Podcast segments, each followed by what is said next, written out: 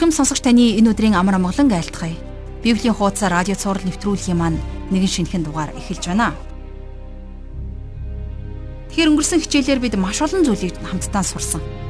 Юдэчүүд буруу дуу хоолойг сонсож дагаж байсныхаа адилаар өнөөдөр ч гэсэн заримдаа бид буруу дуу хоолойг сонсож дагах үе олон байдаг.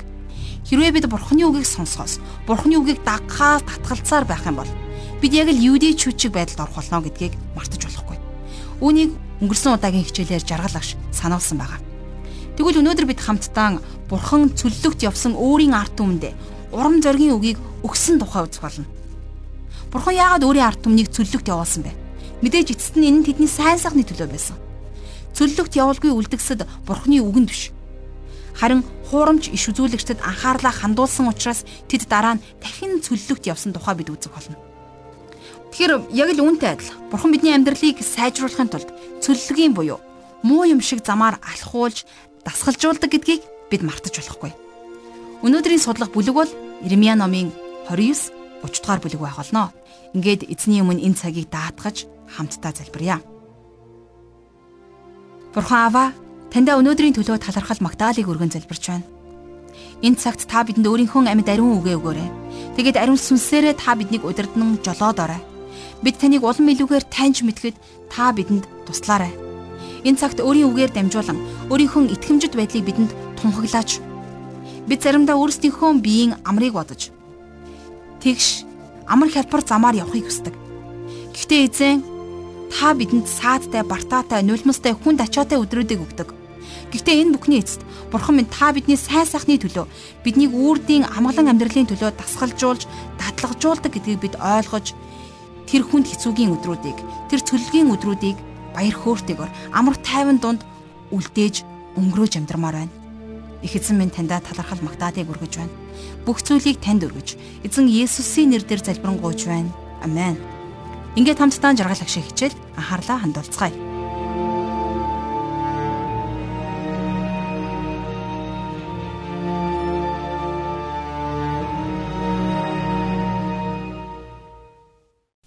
За тэгэхээр өнөөдрийнхөө хичээлээр бид хамтдаа Ирмэ номынхон 29 дугаар бүлгээс эхлэн үзэх гэж байна.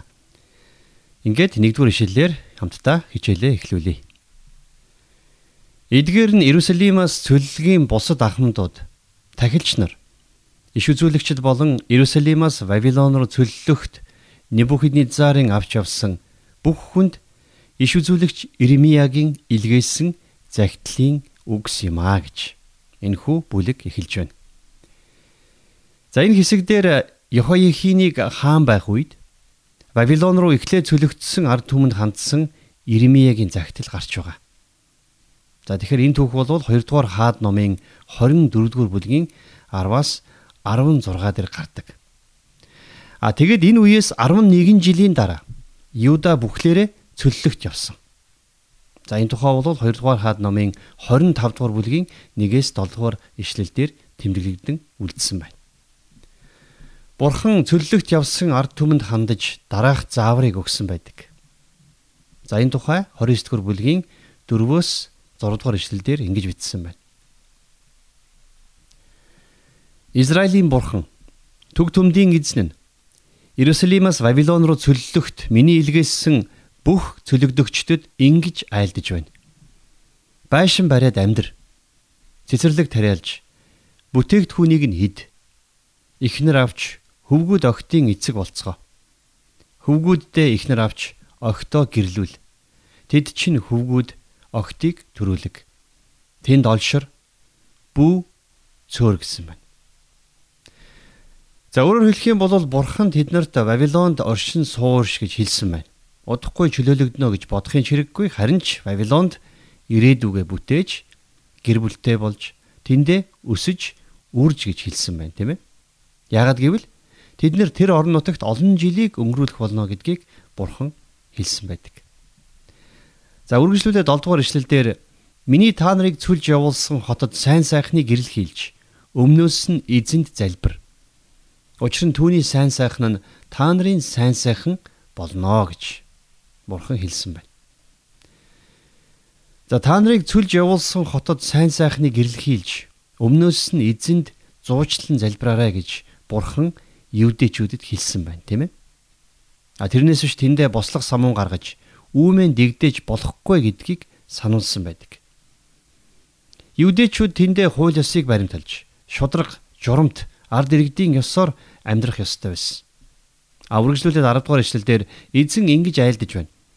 Вавилоны төлөө 70 жил дуусахад та нарыг энэ газарт буцааж авчрахын тулд би та нар дээр ирж сайн үгээ та нарт биелүүлнэ. За бурхан энд тэд нарыг цөллөгт өнгөрүүлэх хугацааг маш тодорхой хэлж өгсөн байгаа биз? Бурхан тэднийг бүр мөссөн орхиогүй гэдгээ. Тэд нарыг төрсөн нутагт нь буцаана гэдгээ бас давхар амласан байна. Харин тэгвэл Вавилонд байсан хуурамч иш үзүүлэгчд Ирмиягийн загтлыг бурхнаас ирсэн үг гэж хүлээж авахыг хүсээгүй. Тэд нар Иерусалим руу загтал бичиж бурхан өөр шин тахилчийг томилж байгаа тухай мэдэгдээ зогсохгүй иш үзүүлэгч Ирмиягийн амийг барихыг сануулсан байдаг. За энэ тухай үргэлжлүүлээд 29 дэх бүлгийн 30-аас 32 дугаар ишлэлээс харъя. Тэгтэл үг Ирмияд ирж бүх цөлөгдөгсдөд үг илгээж Нихилам хүн Шимаягийн талаар эзэн ингэж айлдаж байна. Би түүнийг илгээгээгүй батал Шимая та нарт иш үзүүлэн та нарыг ходолд итгүүлсэн тул эзэн ингэж айлдаж байна. Үзэгтэн би Нихилам хүн Шимаяг болон үр удмыг нь шийдэх гэж байна. Энэ ард түмний дунд түүнд хинч амьд үлдэхгүй бөгөөд хүмүүстэй миний үлдэх гэж байгаа сайныг тэрээр харахгүй гэж эзэн тунхаглаж байна. Учир нь тэрээр эзний эсрэг тэрсэллийг номлосон гэж хэл химэн альдлаа гэж. Бурхан тэдгээр хуурамч иш үзүүлэгчдийн эсрэг шийтгэл шүүлтийг тунхагласан. Бурхан өөрийнхөө үгийг маш тодорхой, маш эрх мэдэлтэйгээр хэлдэг. Бурхан Юдад хандаж тэдэнд тохиолдож байгаа бүхэн тэдний өөрсдийнх нь гим нүглээс болсон гэдгийг нь их тодорхой хэлсэн байна. Эндээс харах юм бол Бурхан гим нүглийг шийтгэлгүй орхидгүй Бурхан одоо ч өөрчлөгдөөгүй байгаа. Олон хүмүүс шин гэрэний бурхан, хуучин гэрэний бурханаас өөр юм шиг сандаг. Үгүй ээ. Бурхан яг л хэвээрээ байгаа. Бурхан өчүүхэн төдий ч өөрчлөгдөөгүй. Бурхан хөгшрөөгүй. Бурхан шин зүйл сурч мдээгүй. Бурхан яг л хэвээрээ байгаа. Тэгэхээр бурхан биднэртээ өөрийн үг болох Библиэр дамжуулан ярьдаг. 2 дугаар Петрийн 1 дугаар бүлгийн 20 дугаар ишлэлдэр Симон Петр ингэж бичсэн байна. Судрын нэгч иш үзүүлэг иш үзүүлэгчийн өөрийнх нь тайлбараар ирээгүй юуны төрөнд мэддэг вэ гэж. За юуны төрөнд мэд гэж хэлсэн байгаа биз. Өөрөөр хэлэх юм бол хамгийн ихэнд энэ тэргүнд та бидний мэдэх ёстой юм болвол энэ ойлголт. Тэгэхээр Петрийн ишлэлдэр хэлэхдээ Бурхны илчлэлтүүд нь хаанаас эхэлдэг юм бэ гэдгийг онцлон сануулсан байна. Библиэлд ирэх нэгч бичээс хүнээс ихтэй биш. А энэ үгсийг бичиж дамжуулсан иш үзүүлэгчд болвол өөрсдийн туршлагаас өөрсдийнхөө үзэл бодлыг яриаггүй юм а. Харин Бурхны хэл гэж тушаасныг тэр чигээр нь дамжуулсан юм. Тийм учраас Бурхны үгийг уншиж судлахдаа бид нар өөрсдийгөө хоосолоход бэлэн байх ёстой. Та бид нар өөрсдийгөө гим нүгэлтэй, сул дорой гэдгийг хүлээн зөвшөөрөхөөс гадна бас бид нар өөрсдийнхөө үзэл бодол, байр суурь, хүсэл зоригийг хойш нь тавих хэрэгтэй гэсэн үг. Тэгэхээр бид нар бүгдийг нь хойш тавиад харин Бурхны үгийг байгаагаар нь хүлээж авах хэрэгтэй л гэсэн үг. За энэ бол Ирмиягийн үед тахилч иш үзүүлэгч нар тулгарч байсан хамгийн том асуудал байсан. За өнөөдөр ч гэсэн бидний хувьд том асуудал хിവэрэ байсаар л байна. Яагад үг гэвэл хүн болгонд л өөрийн гэсэн байр суурь үзэл бодол байдаг. Хүн болгон л альва зүйлсийг өөрийнхөөрөө хийх гэж оролддог.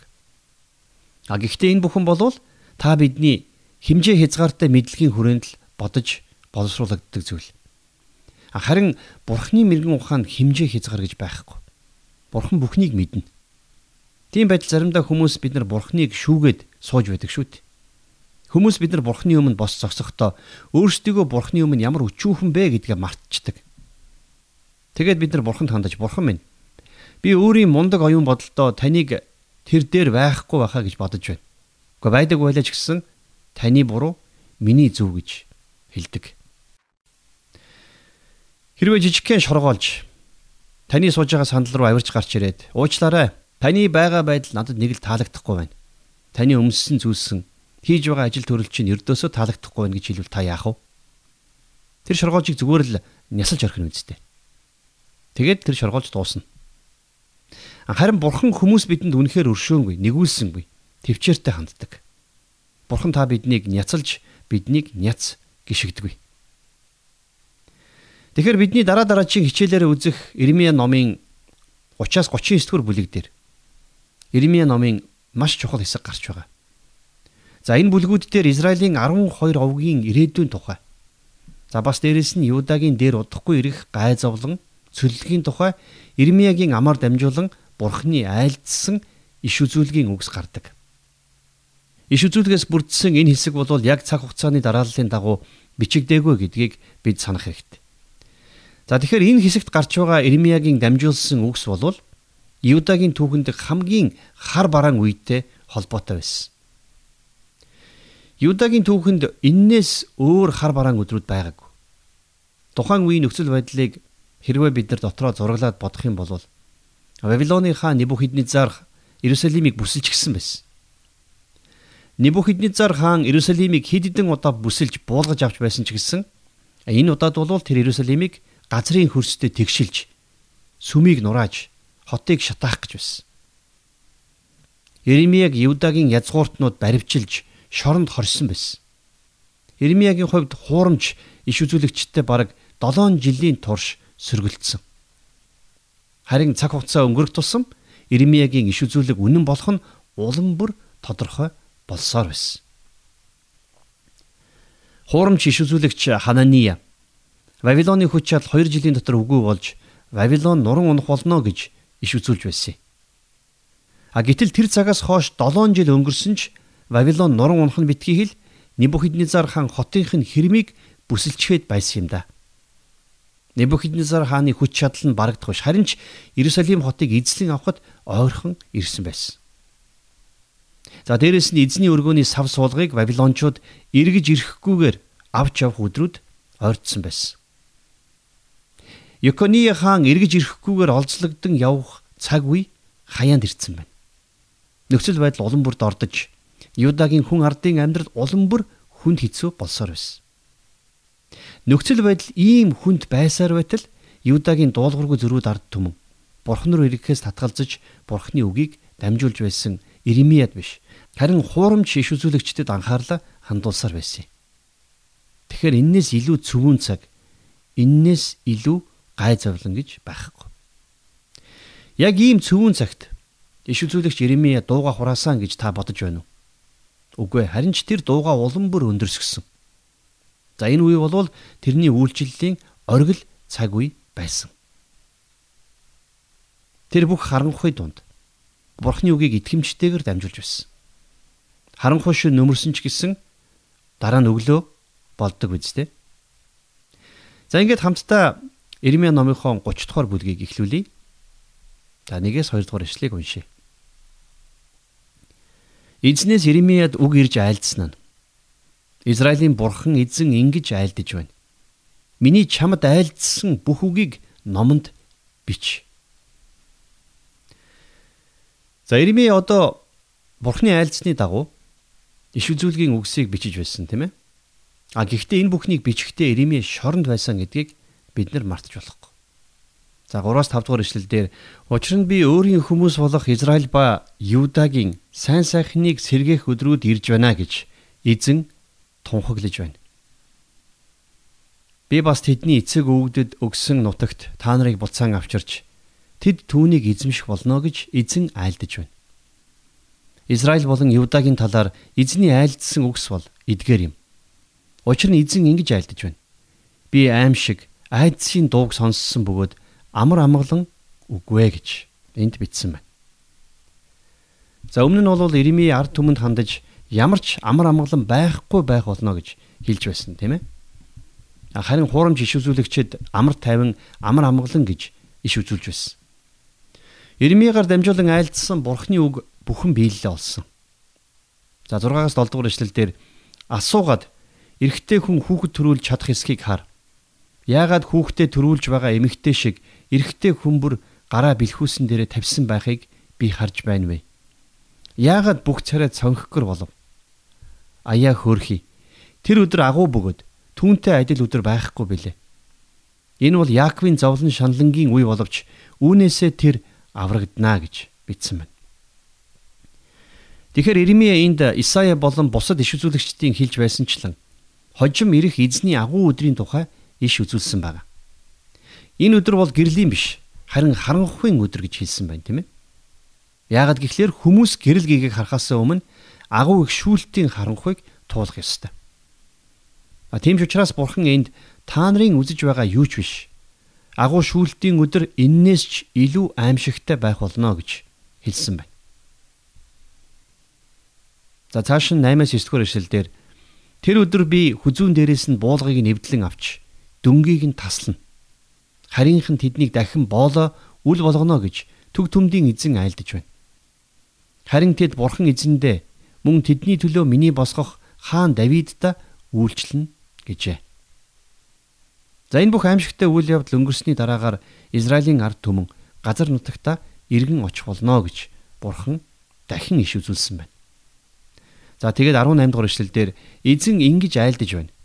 Үзэгтэн би Яаковын майхнуудын сайн сайхныг сэргэн амьдардаг газруудад нь өршөөл үзүүлнэ. Балгасан дээрээ хот дахин баригдаж ордон зөв газартаа босох болно. За энэ бол бурхнаас евдээчүүдэд өгөгдсөн баттай амлалт байсан. А тэгвэл энэ бүхэн хизээ биелэлээ олох вэ? 24 дугаар эшлэлдэр ингэж бичсэн байна. Тэрээр зүрхнийхээ зорилгыг биелүүлж гүйцэтгэх хүртэл эзний ширүүн уур хилэн буцаж эргэхгүй. Сүүлчийн өдрүүдэд та нар үүнийг ойлгоно гэсэн байна. Тэгэхээр энэ сүүлчийн өдрүүдэд гэж хэлсэн байна тийм ээ. А энэ бол ирээдүйд болох үйл явдлын тухай иш үзүүлэг гэдгийг бид төвөггүй харж болохоор байна. Тэгэхээр энэ сүүлчийн өдрүүдийг бид нар өнөөдөр ч гэсэн бас хүлээсээр байгаа. Ингээд дараагийн хичээлээр эргээд уулзъя.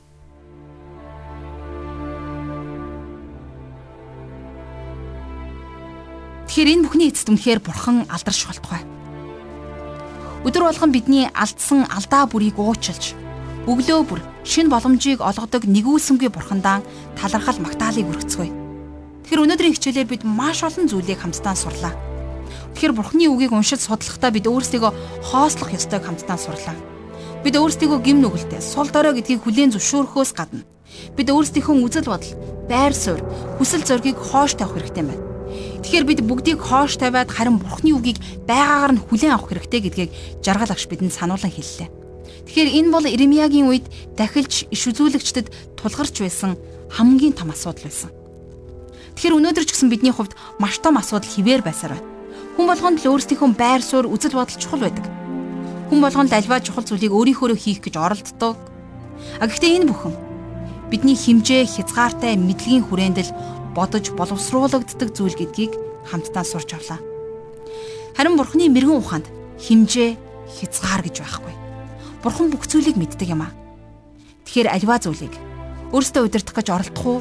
Эсвэл бүх зүйлийг удирдан контролддог эзний мотор даадах уу гэдэг сонголт байна. Хамтдаа энэ сонголтын өмнө ирээд байна. Эзний өмнө залбирлаараа очицгоё. Бурхан аваа таньда энэ цагийн төлөө талархал магтаалыг өргөн залбирч байна. Үнэхээр гайхамшигтай ивэлтэй цаг байлаа. Тиймээ та бол итгэмжтэй сайн эзэн. Өдөр болгон таны итгэмжит байдалд найдаж, өдөр болгон таны ариун сүнсээр өдөр дуулан амьдрахад бидэнд туслаарай. Мөнхийн эзэн минь танд бүхнээ өргөж байна.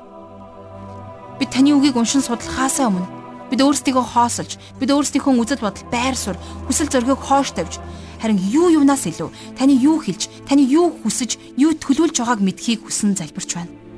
Аваа таны үгээр дамжуулан бид сэргэн шинжлэгдэж, бид таны алдрын төлөө, бид яг л таны хүслийн дагуу босгон байгуулагдсан, таны хүслийн дагуу таны мутраар бүтээгдсэн шавар сав суулганууд адил таны алдрын төлөө хэрэглэгдэхийг хүсэж байна. Бүх амь амьдрал, бүх хүслээ таны мутарт өргөж, эзэн Есүсийн нэрээр залбирanгуйж байна. Амен.